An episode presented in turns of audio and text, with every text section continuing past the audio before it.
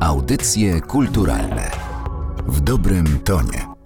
Przed mikrofonem Sylwia Błażej. W audycjach kulturalnych gościmy w niezwykle ciekawym miejscu. Jak się wejdzie, to jest mnóstwo drewna, narzędzi, maszyny do obróbki drewna, a to dlatego, że gościmy w pracowni lutniczej Katarzyny Bednarz. Cześć. Cześć, dobry wieczór, dzień dobry. Od czego zaczynamy przygotowanie skrzypiec, przygotowywanie instrumentu? To wszystko zależy, jaki instrument oczywiście zaczynamy przygotowywać, e, co mamy w głowie, jakie mamy plany, jakie mamy szablony. Zależy też od pracowni, do jakiej wejdziemy, bo każdy z nas ma swój sposób, dzięki któremu jest rozpoznawalny. Tylko, że dla większości właśnie obserwatorów, którzy mają do czynienia z instrumentami, są to tak małe niuanse, o których których poza nami ze środowiska lotniczego jest bardzo mała grupa, która na to zwróci uwagę, jak na przykład rodzaje zwojów w ślimaku, kształty zwojów w ślimaku, złożenie żyłki w narożnikach, kształt narożników, otwory rezonansowe. Wielu z nas też posługuje się znanymi wszystkim modelami instrumentów takich artystów jak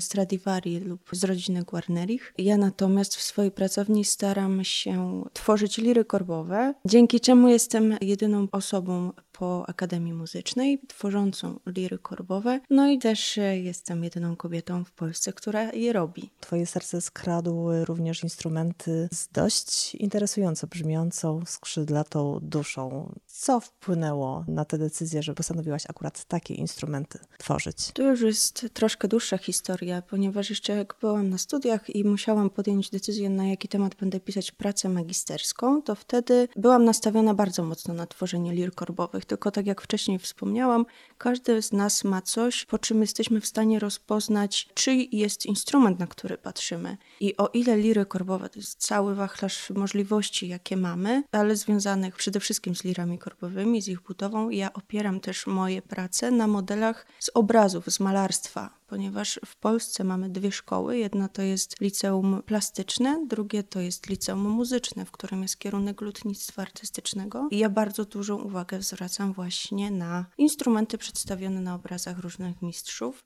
a moje zainteresowanie w stronę skrzydlatej duszy i Antoniego Chybla pojawiło się właśnie w czasie doboru tego tematu. Podszedł do mnie mój profesor Andrzej Łapa i zaproponował temat Antoniego Chybla, ponieważ żył on i tworzył w miejscowości znajdującej się niedaleko mojego domu. Ten plan, ten temat pojawił się dopiero długo po studiach, w momencie jak została zorganizowana w Muzeum PTTK wernisaż i wystawa prac Antoniego Chybla. I tam miałam po raz pierwszy okazję zobaczyć jego instrument na żywo. I wtedy właściwie ruszyła cała machina i mocniej zainteresowałam się tematem samego artysty, ponieważ byłam ciekawa, dlaczego on to zrobił, dlaczego stworzył swój wyjątkowy i niepowtarzalny kształt instrumentu, jak wygląda dusza skrzydlata, co z nią jest nie tak albo co z nią jest tak. Czym jest ta skrzydlata dusza? Jak zapewne większość z Państwa kojarzy, zwykła klasyczna dusza to jest mały patyczek, jest nieprzyklejony, jest ruchomym elementem wkładanym od zewnątrz i łączy płytę wierzchnią z płytą spodnią, przenosząc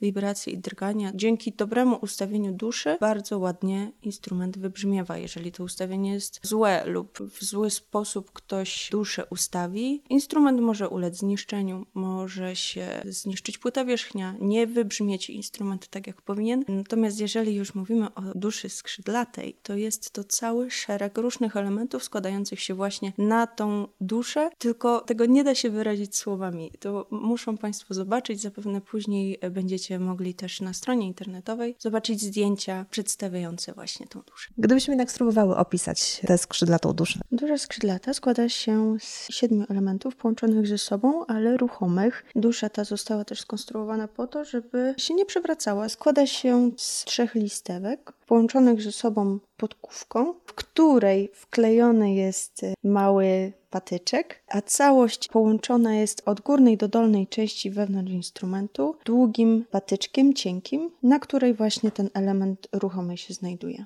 Na Twoim Instagramie można zajrzeć do wnętrza instrumentu. Wygląda to bardzo intrygująco. Jest to, wydaje się, bardzo złożona konstrukcja. Konstrukcja jest złożona, ponieważ Antoni Hybel zauważył pewne rzeczy, pewne sytuacje i niejednokrotnie wypadki związane z instrumentami, ze skrzypcami klasycznymi. On w swoim instrumencie, przynajmniej ja, po przeczytaniu jego rękopisów i oryginalnego patentu z 1925 roku i opisu skrzypiec, mogłam wywnioskować pewne rzeczy właśnie właśnie na temat duszy i na temat tego modelu, który on stworzył, czyli model polskich skrzypiec, ponieważ jest to instrument bez jednej czwartej w swojej budowie. Czyli jak Państwo wyobrażacie sobie, patrząc na wprost na skrzypce klasyczne, to nie ma górnej prawej części instrumentu, jest ścięta. I właśnie tutaj pojawia się ta cała zagadka. Dlaczego tak to powstało? Skąd pomysł na skrzydlatą duszę? Dlaczego ta skrzydlata dusza ma tyle elementów? Wydaje się, ponieważ to nie zostało opisane już przez samego autora,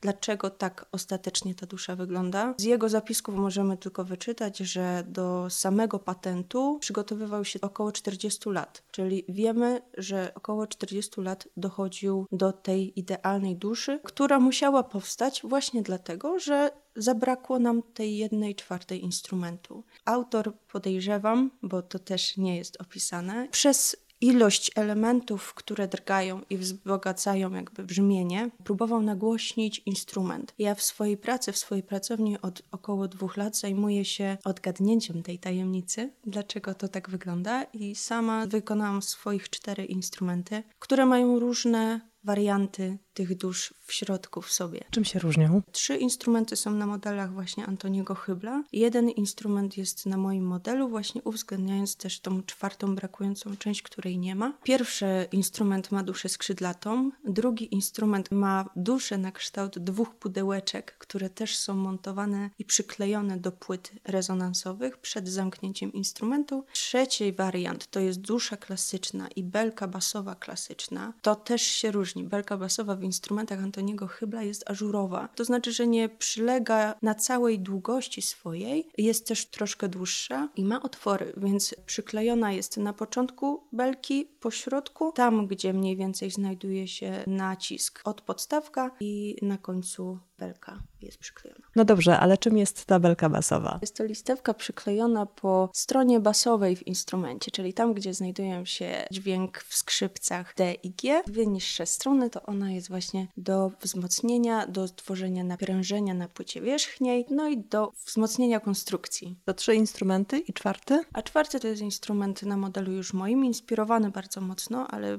posiadający tą prawą górną część, ale z duszą skrzydlatą, czyli tą duszą składającą się z tych siedmiu elementów połączonych ze sobą. Jest to dusza ruchoma, więc Antoni Hybel w doświadczeniu lutniczym, podejrzewam na przestrzeni lat, spotkał się z wieloma spostrzeżeniami tej tematyce. Mianowicie jego instrumenty, jego model instrumentu polskich skrzypiec nie posiada narożników. Tak samo charakterystyczne dla twórczości Antoniego Hybla jest to, że ślimak w jego instrumentach, przynajmniej tych, które mieliśmy okazję zobaczyć, jest odwrócony. I powstało to przede wszystkim dlatego, żeby ułatwić wymianę struny, a w skrzypcach. Teraz oczyszczam stary prożek dolny, który znajdował się w instrumencie Antoniego ze starego kleju, żeby móc go na nowo wkleić, ponieważ za chwilę będziemy sprawdzać, czy jego teoria z odwróconym ślimakiem i z łatwością nawinięcie struny przede wszystkim A ma szansę zaistnieć w praktyce i czy faktycznie ułatwia nam to życie. Na razie go tylko delikatnie włożymy, bo i tak będziemy musieli użyć kleju kostnego, ale na ten moment wystarczy, jak go wstawimy w stare miejsce. Na swoim miejscu teraz możemy wziąć strunociąg Właśnie przez to, że zachowało się tak mało instrumentów Antoniego Hybla, do końca nie jestem pewna, czy te akcesoria, które są w tym momencie w tych instrumentach, są akcesoriami, które były w oryginalnych, czy przeszły może te instrumenty już jakieś korekty lub naprawy. No i zaczynamy. Najpierw od struny E.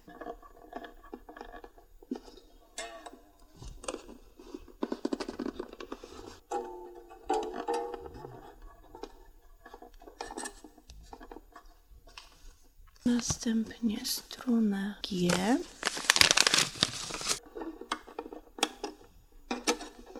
I ta struna, która sprawia zazwyczaj najwięcej problemu, czyli struna A.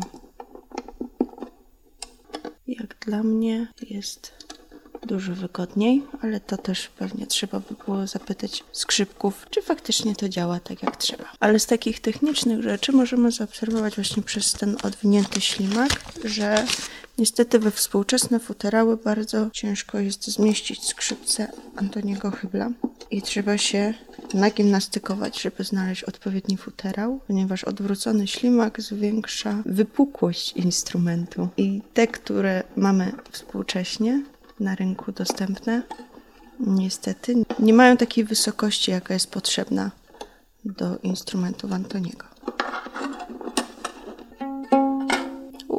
Jeszcze będzie dużo pracy przy tym. No ale zdecydowanie odwrócony ślimak ułatwia naciąganie strun na instrument.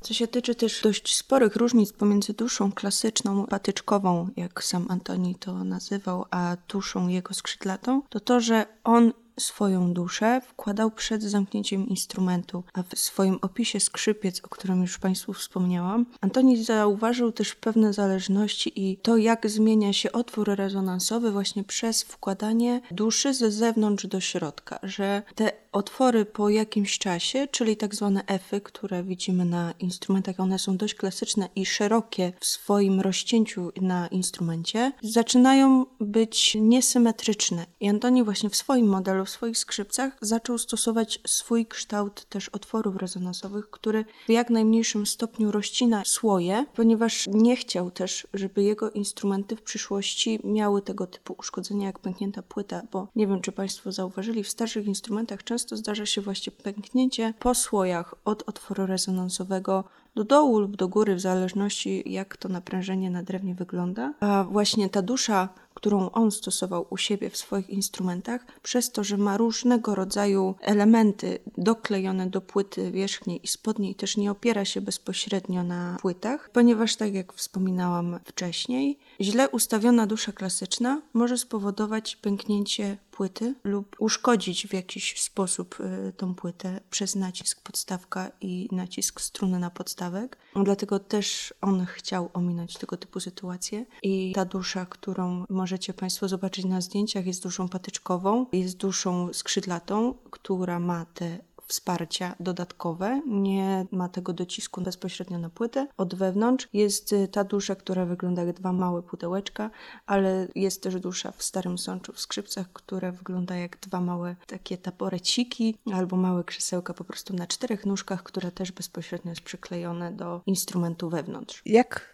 ta skrzydlata dusza wpływa na dźwięk? Czy ten dźwięk roznosi się jakoś inaczej po pudle rezonansowym? Jest bardziej głęboki, miękki? Czy to w ogóle ma jakieś przełożenie na to, jak instrument zabrzmi? Od zeszłego roku staram się tworzyć małe wykłady połączone z eksperymentem na osobach, które przychodzą na te wykłady. Mianowicie jest zaproszony skrzypek, który gra na tych instrumentach, na czterech instrumentach. Nie wiem, czy Państwo wiecie, jak wyglądają przesłuchania na konkursie Wieniawskiego w Poznaniu. Jest kotara, skrzypek wychodzi, ogrywa wszystkie instrumenty. Mówimy o konkursie lutniczym. O konkursie lotniczym, tak, jak najbardziej. I właśnie ja chciałam coś takiego stworzyć, dlatego też moje instrumenty, wszystkie kolorystycznie, nie różnią się od siebie. Wszystkie są takie same, bo wiadomo, nie wszędzie można za tą kotarą stanąć, ale chodzi o to, że każdy ze słuchaczy ma okazję sprawdzić na własnym uchu, na własnej skórze, czy rozpozna brzmienie duszy skrzydlatej. I bardzo często jest tak, że faktycznie odbiorcy, słuchacze na widowni jednogłośnie są w stanie określić, która z duszy w tych czterech instrumentach jest tą duszą skrzydlatą. Więc czy ten patent się udał Hyblowi? Wydawać by się mogło, że tak. Brzmienie samego instrumentu, mimo takiego nagłośnienia, jak ta wibracja od środka, bo to jest szereg tych elementów, o których wspomniałam i które na pewno bardzo mocno wibrują, nagłaśnia instrument, ale mimo wszystko to nie jest to brzmienie instrumentu, do którego my jesteśmy przyzwyczajeni. Dusza sama w sobie też wydaje przez drgania różne dźwięki. Udało mi się zrobić do tej pory trzy instrumenty ze skrzydlatą duszą i każdy w jakiś sposób brzęczał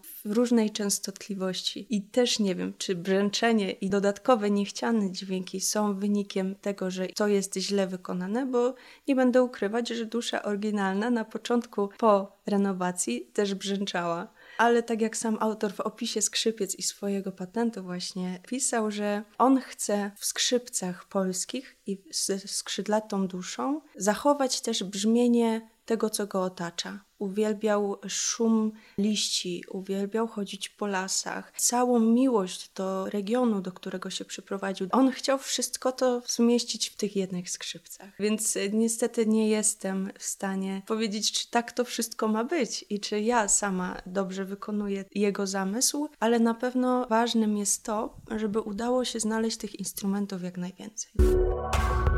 Audycje kulturalne w dobrym tonie.